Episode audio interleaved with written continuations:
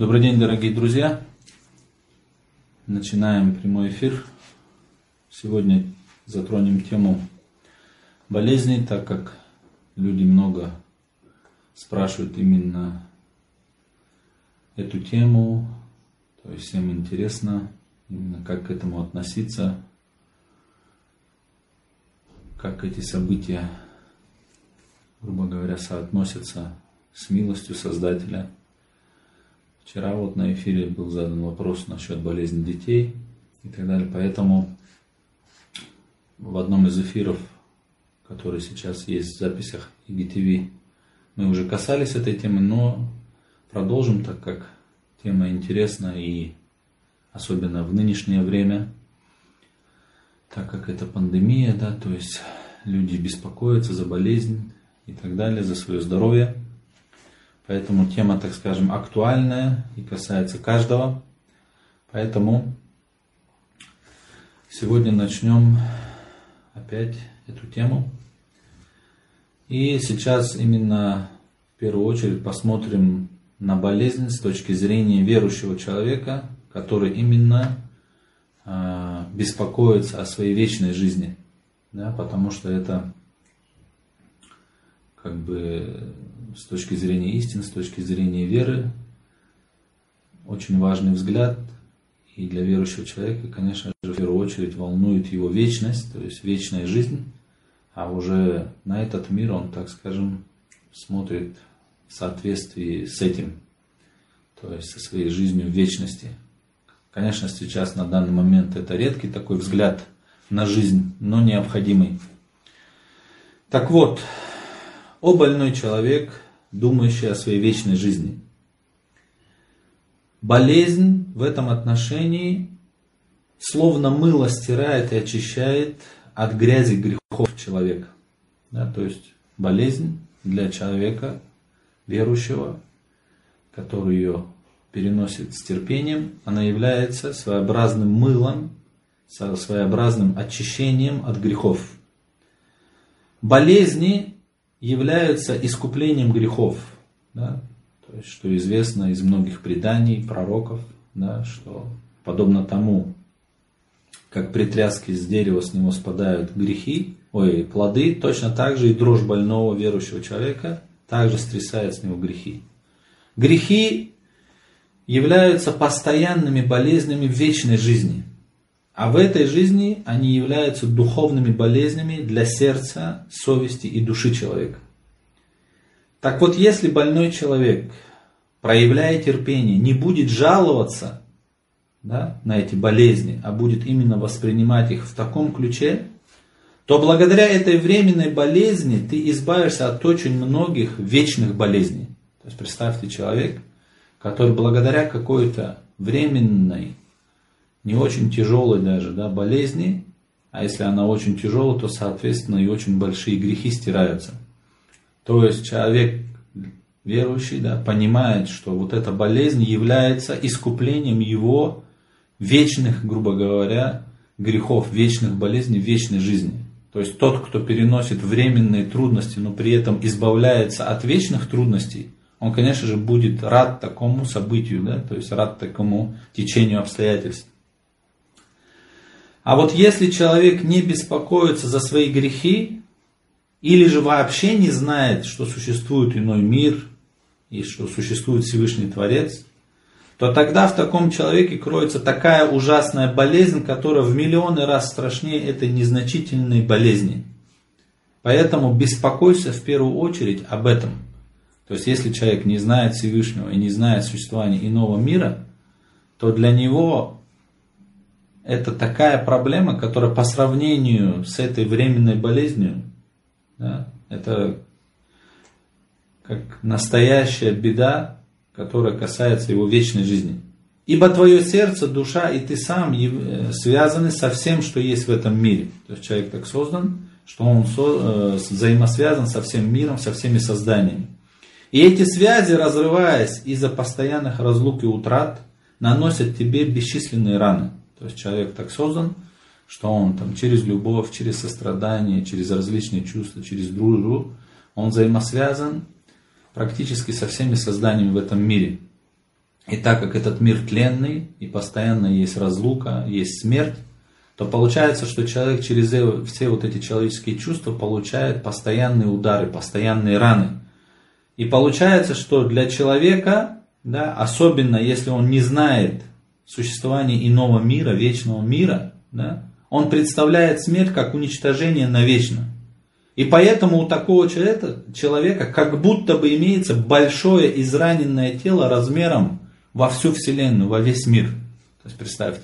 То есть на самом деле у неверующего человека, у человека, который не знает и не осознает существование вечной жизни, как будто существует огромное, больное, израненное тело размером во весь мир. Таким образом, в первую очередь тебе необходимо найти действенное лекарство, дающее полное исцеление от многочисленных болезней и ран этого громадного твоего духовного тела и исправить свое убеждение. То есть человек, который не имеет веры или не имеет осознанной веры, в первую очередь ему нужно найти лекарство, грубо говоря, от этой болезни, от, вот от этой мировоззренческой болезни. Потому что эта болезнь реально человека делает несчастным с размером во весь этот мир. И именно таким лекарством от этой болезни является вера. Самым же коротким путем обретения этого лекарства, то есть веры, является познание могущества и милости всемогущего Творца. То есть большинство людей именно приходят к вере через что? Через окно бессилия и слабости, показанное этой материальной телесной болезнью. То есть эта болезнь, любая болезнь, она дает человеку что в первую очередь почувствовать? Свою слабость. Да? свою вот эту бренность, свою беспомощность. И это самый короткий путь, который приводит человека к вере. И вы, наверное, все заметили, что большинство людей приходят к вере именно через какие-то беды и болезни. И вот именно вот эти беды и болезни дают по-настоящему человеку ощутить свое естество, то есть настоящее свое состояние. А состояние человека это состояние слабости, беспомощности, бедности. Да?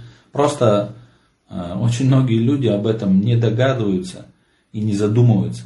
То есть они живут как бы в каком-то воображаемом представлении о себе. Но как только их коснется вот такое событие, какая-то болезнь или какое-то несчастье, моментально вот это представление о себе как о каком-то сильном и таком существе быстро улетучивается. Человек понимает, что на самом деле он очень слаб, и ничего его что один маленький микроб, грубо говоря, да, вот на данный момент мы это видим, что один маленький вирус практически просто поставил на паузу весь мир.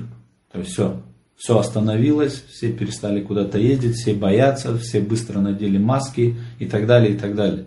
То есть это же явный показатель того, что даже все технологии, вот вроде бы такая цивилизация, люди уже столько там и медициной занимаются, и лекарствами и так далее, и так далее один микроб, да, один какой-то вирус, то есть такое затруднительное положение поставил практически все человечество. Да? То есть, а тем более какой-то отдельный человек. И все сейчас боятся, и все там, грубо говоря, переживают каждый за себя. То есть это явно показывает человеку его слабость. Да? То есть человек это должен реально осознать. И вот через осознание этого человек очень быстро приходит именно к вере в Создателя. То есть он начинает искать точку опоры, а на кого ему надеяться? А кто всем управляет? А кто может ему помочь? Это только всемогущий Создатель. Да? Да, над головой того, кто не знает Творца, висит множество бед. А мир человека, познавшего Творца, наполнен светом и духовной радостью которую он чувствует в зависимости, от, конечно, от силы и осознанности своей веры. То есть тут очень важно именно, чтобы у человека была осознанная вера, чтобы он как бы не впадал в беспечность. Да? Потому что многие люди вроде бы спрашиваешь, они говорят, да, я верю в Создателя и так далее, но как бы Вера, грубо говоря, такого человека, она не влияет на него. То есть он забывается, что перед кем он находится, кто, кто всем управляет. И так. То есть именно поэтому вера должна быть действительно осознанная. именно должно быть у человека понимание, что все происходит по воле Создателя. Все. что он управляет всем, начиная от атомов и кончая там самыми большими звездами, галактиками и всей Вселенной. Вот только тогда, когда у человека, грубо говоря, есть вот такое убеждение, есть такая осознанная вера, вот только тогда она действительно влияет на человека, на все его как бы, аспекты жизни. То есть и он уже живет, по сути, как бы в другом мире, где нету случайности, где нету несправедливости, где нету там никчемности и так далее. То есть все происходит со смыслом, все имеет результаты, и все это взаимосвязано с вечной жизнью. И поэтому для человека с такой осознанной верой, осознанной верой, для него вот эти временные какие-то трудности и болезни, они связаны с вечной жизнью в том смысле, что болезнь стирает его грехи какие-то. Что какие-то беды, какие-то несчастья, да, это как испытание, которое он должен пройти достойно, грубо говоря, да, и так далее. То есть у него совсем другой подход ко всему, ко всей жизни. Да? А нынешняя цивилизация, что она делает? Она человеку преподносит, что ты должен кайфовать, ты должен расслабляться, все, этот мир дан для кайфа, грубо говоря, да, для каких-то там удовольствий и так далее. Но реальность, она явно о другом говорит. Что в этом мире есть и смерть, и болезни, и несчастье, и расставание и так далее. И представляете, человек, который, грубо говоря, э, как сказать, приходит в мир, да, и ему объясняют, что ты должен здесь кайфовать, но а реальность ему говорит совсем о другом. В реальности он видит, что кругом есть проблемы, что есть беды, что есть несчастье, есть болезни, есть смерть. А ему говорят, ты должен кайфовать. То есть человек явно же, то есть, как сказать, когда, как говорят, да, тот, кто предупрежден, тот вооружен. То есть, когда человек сразу же, грубо говоря, понимает, куда он попал, да, когда он понимает, что он пришел сюда, и здесь его испытывают, что здесь он проходит некую проверку, да, то человек мобилизуется, начинает искать смыслы, начинает понимать, грубо говоря, своего Творца, что он от него хочет, что это происходит в его жизни, там, пусть это будет болезнь и так далее. И смотрит уже, грубо говоря, да, на результаты, то есть касающиеся вечной жизни. И он совсем по-другому воспринимает вообще все события, которые у него в жизни происходят. А человек, естественно, который не задумывается об этих всех вещах и который думает, что он сюда пришел кайфовать, то он сильно-сильно разочаруется, когда его коснется одно из этих событий. Да, и вот это все его представление ложное об этой жизни, оно быстро улетучится. Поэтому над головой того, кто не знает Творца, висит множество бед. А мир человека, познавшего Творца, да, наполнен светом и духовной радостью, которую он чувствует, конечно же, опять в зависимости от силы своей веры. Среди духовной радости, исцеления, наслаждения, исходящей от этой веры, растают и исчезнут огорчения от незначительных материальных болезней. Да? Еще один момент, который именно, как сказать, пугает больше всего в болезни, это, конечно же, вопрос смерти. Поэтому страдание и страх появляющийся при болезнях, исходит от того, что болезнь иногда становится причиной смерти. Да? Из-за того, что смерть, на взгляд беспечности и внешне представляется очень ужасной, болезни, которые могут стать ее причиной, тревожат и вызывают страх у таких людей. Да? То есть понятно, что для человека самое страшное, что есть в болезни, это именно вопрос смерти. Да? И из-за этого то есть у человека есть вот такой испуг. И мы это сейчас на данный момент видим, да, что вот этот вирус пришел, да, и там есть какие-то летальные исходы, и все, и человечество уже дрожит, да, все начинают пугаться этого. Во-первых, посмотрите взгляд верующего человека, да. Верующий человек знает и верит в то, что час смерти он предопределен и неизменен.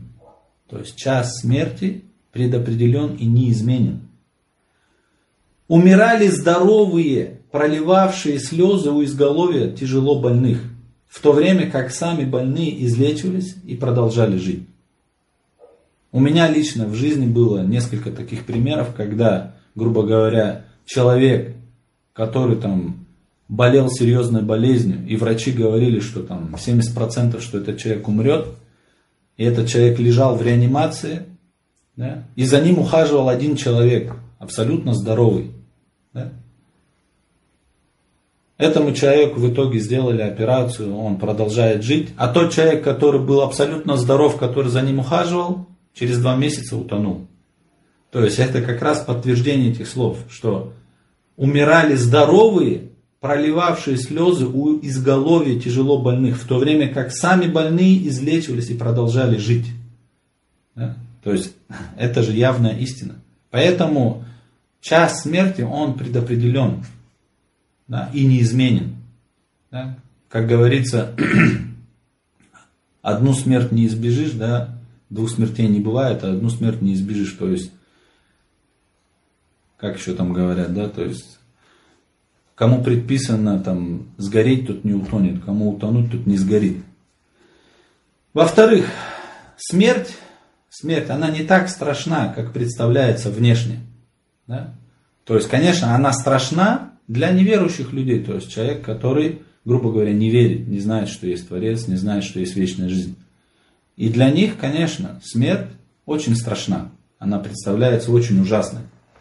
Но на самом деле смерть это освобождение от бремени прижизненных обязанностей и от поклонения в этом мире испытаний, являющихся учениями и предписаниями. То есть для верующего человека Смерть является чем? Освобождением от прижизненной обязанности. Вот все, кто, к примеру, в армии служил, они знают. Да? То есть, к примеру, для человека, который служит в армии, для него де- демобилизация, да, то есть дембель так называемый, как воспринимается? Это практически самое радостное событие, да, то есть человек его ждет, чтобы быстрее освободиться от, вот эти, от этой службы, от этих обязанностей. И вот точно так же для человека верующего, конечно, осознанно верующего человека, у кого вера, так скажем, сильна, для него смерть является что? освобождением от прижизненных обязанностей. То есть, то есть от прижизненных обязанностей, и для него это не исчезновение. Да? А также смерть, что еще? Это возможно для воссоединения со своими друзьями и близкими, которые 99 из 100 ушли уже в вечный мир.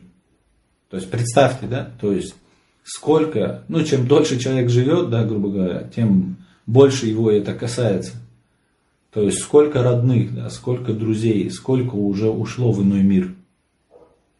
Да, и для верующего человека, так как он дружит и любит вечно, да, не только в этом мире, то для него, естественно, смерть является воссоединением со всеми теми, кого он любит. Все свои предки, да, там, друзья, любимые люди, которые ушли в иной мир, для него смерть это воссоединение со всеми теми, кого он любит, с кем он взаимосвязан. А также смерть это способ для вступления на свою подлинную родину и на вечные земли блаженства. Вот любой человек, пускай он внимательно просто прислушается к своему естеству, любой человек поймет, что действительно естество человека так вот создано, что нас реально, реально напрягает вот эта вся мирская суета. То есть сколько раз я вот к себе прислушивался, и я видел, да, что я хочу какой-то вот свободной жизни, чтобы не было вот этих вот забот, вот этой постоянной вот этой суеты. И так, то есть ты, человек реально вот прислушается, если, да, к своему естеству. Он действительно хочет наслаждений без печали, встречи без расставания, любви, да, без горя, да, без боли. Да хочет счастья, какой-то свободы и так далее. Но весь этот мир, он явно как будто вот это естество человека просто сдавливает. И вот для верующего человека, который реально познал своего Творца, который реально убежден и знает, что существует вечная жизнь, что существует рай, что есть вот эти вечные земли блаженства, да, грубо говоря, наша подлинная э, родина, то для него, естественно, смерть чем является? Приглашением туда, то есть возвращением на родину. Еще смерть чем является? Приглашением войти в райские сады, то есть покинув темницу всего мира. То есть этот мир, какой бы он прекрасен ни был, но по сравнению с раем он как тень. Вот представьте рука и посмотрите, какая от нее тень Какая между ними разница? Просто нереальная разница, правильно же? И вот представьте, если мы в этом мире, да, получая какие-то там наслаждения, видя какие-то красоты, какие-то совершенства, тогда какой рай? И представляете, для верующего человека смерть это приглашение в такое место, где просто такое великолепие, такая красота, такое совершенство, такие блаженства, что просто это как бы не передать, да? А, и еще смерть чем является? Это очередь для получения от милости и щедрости милостливого Творца вознаграждения соответствующего своему служению. То есть, если человек провел свою жизнь именно в том ключе, что он понимал, что здесь он находится, грубо говоря, как бы на службе, что здесь идет испытание, что здесь он проверяется, так скажем, на вшивость, да? И человек, который здесь жил в кругу довольства Творца, старался делать добрые дела, то есть старался не грешить, да, каялся и так далее, то для него смерть это приглашение к тому, грубо говоря, что он заслужил. А если он прожил праведную жизнь, то это, соответственно, приглашение к, вознаграждению. Так вот, поскольку с точки зрения истины сущность смерти такова, ее нужно воспринимать не с ужасом, а напротив, как начало милости и блаженства. К тому же, боязнь смерти некоторых праведных людей исходит не от страха перед смертью, а от стремления совершить еще больше добрых дел благодаря своей жизни. Да, смерть для верующих людей является вратами милости, а для неверующих, для заблудших людей смерть является причиной, пучиной вечного мрака. То есть вот просто подумайте, да? Как тогда человек может вообще наслаждаться в этой жизни? Когда он сам приговорен, по сути, к исчезновению. Приговорены все те, на его взгляд, все те, кого, кого он любит, да? Пускай это будут родители, пускай это будут дети, пускай это будет, не знаю, там жена и так далее, и так далее, друзья. Но как такой человек может наслаждаться в этой жизни? Причем смерть, она может прийти в любой момент. Ведь проблема человека не только в том, что он смертен, а в том, что он смертен внезапно. То есть в любой момент. Конечно, человек не хочет об этом думать, думает, что это его избежит, но это не избежит. От того, что мы закрываем глаза, от этого темно не становится. Темно становится только самому человеку, который закрывает эти глаза. Поэтому для того, чтобы действительно человек мог получать настоящее, искреннее наслаждение, грубо говоря, в этой жизни, нужна осознанная вера которая состоит из веры в Творца, его, так скажем, единства, что всем Он управляет, что нету случайности, да? Что есть вечная жизнь, и что мы все живем для того, чтобы вечно быть там счастливыми. И от этого человека, от такого понимания, он счастлив и здесь, и если он прожил свою жизнь, так скажем, праведно, в кругу дозволенного, то он будет счастлив и в вечной жизни. Еще один момент. Он напрасно беспокоящийся больной. Ты беспокоишься от тяжести своей болезни. Ты пойми, что беспокойство, оно усиливает твое недомогание. То есть, если ты хочешь облегчить свой недуг, старайся не беспокоиться. Думай о пользах своей болезни, о воздаянии за нее, о том, что она скоро пройдет. То есть, оставь свое беспокойство – Вырви этим самым корень своей болезни. Да, беспокойство удваивает болезнь. Под материальной болезнью она начинает зарождать в твоем сердце духовную болезнь. И материальная болезнь, основываясь на ней, будет продолжаться и усиливаться. Если же благодаря упованию, покорности, думая о мудростях, содержащихся в болезни, да, если вот тогда беспокойство пройдет, тогда будет вырван один из главных корней той телесной болезни. Она ослабнет и частично пройдет. В особенности из-за опасений незначительная телесная болезнь по причине беспокойства обостряется в 10 раз. С уходом беспокойства 9 десятых болезни проходит. Кроме того, беспокойство усиливает болезнь, да? И плюс оно как бы выступает в качестве упрека божественной мудрости и, крит, и критики божественной милости, а также своеобразной жалобы да, на милостливого Творца. Поэтому у беспокойства есть наказание. Она, во-первых, усиливает болезнь, да?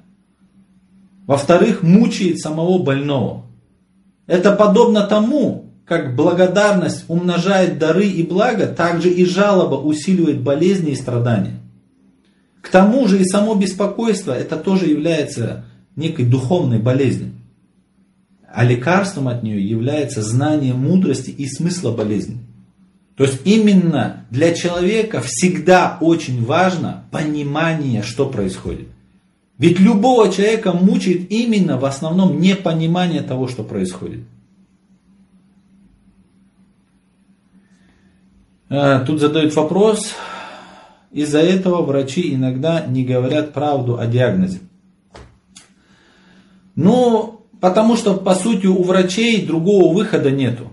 Диагноз-то можно сказать, да, понимаете? Но так как эти люди в основном, э, с точки зрения истины, врачи, являются как бы в очень большой беспечности, потому что они же смотрят только на материальные причины. Они думают, что там что вот лекарства, то есть они завязли в причинах, то есть они не, не, не смотрят дальше. То есть редко-редко встретишь действительно там верующего, осознанно верующего врача. Если есть такой осознанно верующий врач, то он может сказать любой диагноз. Почему? Потому что мы знаем, что раз болезнь послал Создатель, то и излечение от любой болезни есть. Да? И если человек действительно понимает мудрости этих болезней, да, какие пользы есть, какие результаты есть, то его не будет пугать ничто. Один случай был, реально мой знакомый, да, у него, не знаю, то ли как-то там он отравился, то ли что, ну суть, вроде бы молодой парень, там, в районе 30 лет ему было, пошел к врачу, то есть, э, начал проверяться, оказалось у него цирроз печени, то есть все, вроде бы Врач, который ему делал вот это все диагностирование и так далее, он сказал, ну у тебя максимум два месяца осталось жить. Но этот парень был осознанно верующий, то есть у него сильная вера была. Он сказал этому доктору, знаете что? Он сказал, мне так много никто никогда не обещал. Потому что действительно ни у кого из нас нет договора, сколько мы проживем. Может быть сегодня последний день. Это никто не знает. Не от болезни, так не знаю, машина из-за угла, не от, не от машины, так не знаю, кирпич с головой. То есть сейчас вам, пожалуйста, в интернете посмотрите, только от чего там люди не погибают, да, грубо говоря. И что самое интересное, этот человек, этот случай произошел, наверное, лет 10 или 15 назад. Этот человек, у которого был цирроз печени, он до сих пор живой, он практически излечился, что самое невероятное? Что тот доктор, который поставил ему этот диагноз и который ему сказал, что у тебя максимум два месяца осталось, он уже не живой. То есть он умер. И таких куча случаев. Поэтому именно для верующего человека, когда, грубо говоря, самое страшное, что есть в болезни, это смерть. Но для верующего человека сама смерть не является страшной, не, не является пугающей. То что ему тогда бояться? Если он чем-то там, его, это, грубо говоря, болезнь приносит какие-то материальные страдания, там, какую-то боль, грехи спадают, да. То есть он очищается, да. Плюс наоборот зарабатывает там более искреннее поклонение к Всевышнему, да, потому что человек в момент болезни, как он молится, как он обращается к Творцу, там нету показухи, он действительно искренне обращается. Он начинает ценить свое здоровье и далее. То есть Тысячи, тысячи есть на самом деле мудрости, польз и результатов этой болезни. Поэтому что? Человек, у которого действительно есть вот такая осознанная э, мудрость, да, должен именно покорностью, пониманием вот этой мудрости болезни, смысла болезни, ты должен нанести вот этот бальзам на свое беспокойство и исцелиться. И вместо сожалений проявляй надежду, Вместо «ах, как жаль» говори слава Всевышнему в любом состоянии. Ведь Он все дает, все Он, и все к Нему возвращается. И когда у человека есть такое убеждение, то практически его никакой результат не может расстроить. А, поэтому вот сегодня мы затронули вот такие вот моменты, касающиеся болезни, одного из таких как бы аспектов жизни, который многих беспокоит, да, и понимание этих процессов в нашей жизни э, влияет, так скажем, на наше и состояние, и счастье, и радость, и так далее. Если есть какие-то вопросы, пишите в эфире. Э, сейчас я подожду, потому что очень часто говорят, что есть э, отставание в эфире, и многие люди не успевают задать вопрос, поэтому я подожду. Пишите свои вопросы. Если не успеете, то пишите их в директ. Вдруг там на данный момент, к примеру, вопрос не созрел. И также мы оставляем всегда запись прямого эфира в IGTV. То есть смотрите там. Точно так же комментируйте, ставьте лайки, пересылайте, подписывайтесь. Э, это важно, да, как бы, потому что когда ты чувствуешь, что это есть отзыв в душах людей, грубо говоря, да, то это, конечно, придает радости.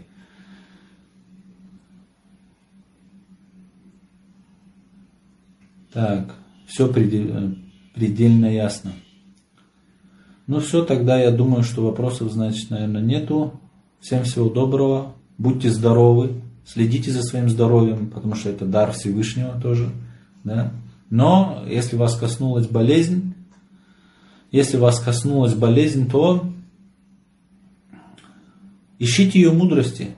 Смотрите наши эфиры, смотрите наше ТВ, читайте наши посты, ставьте лайки, подписывайтесь, комментируйте, пересылайте. Всем всего доброго, до свидания.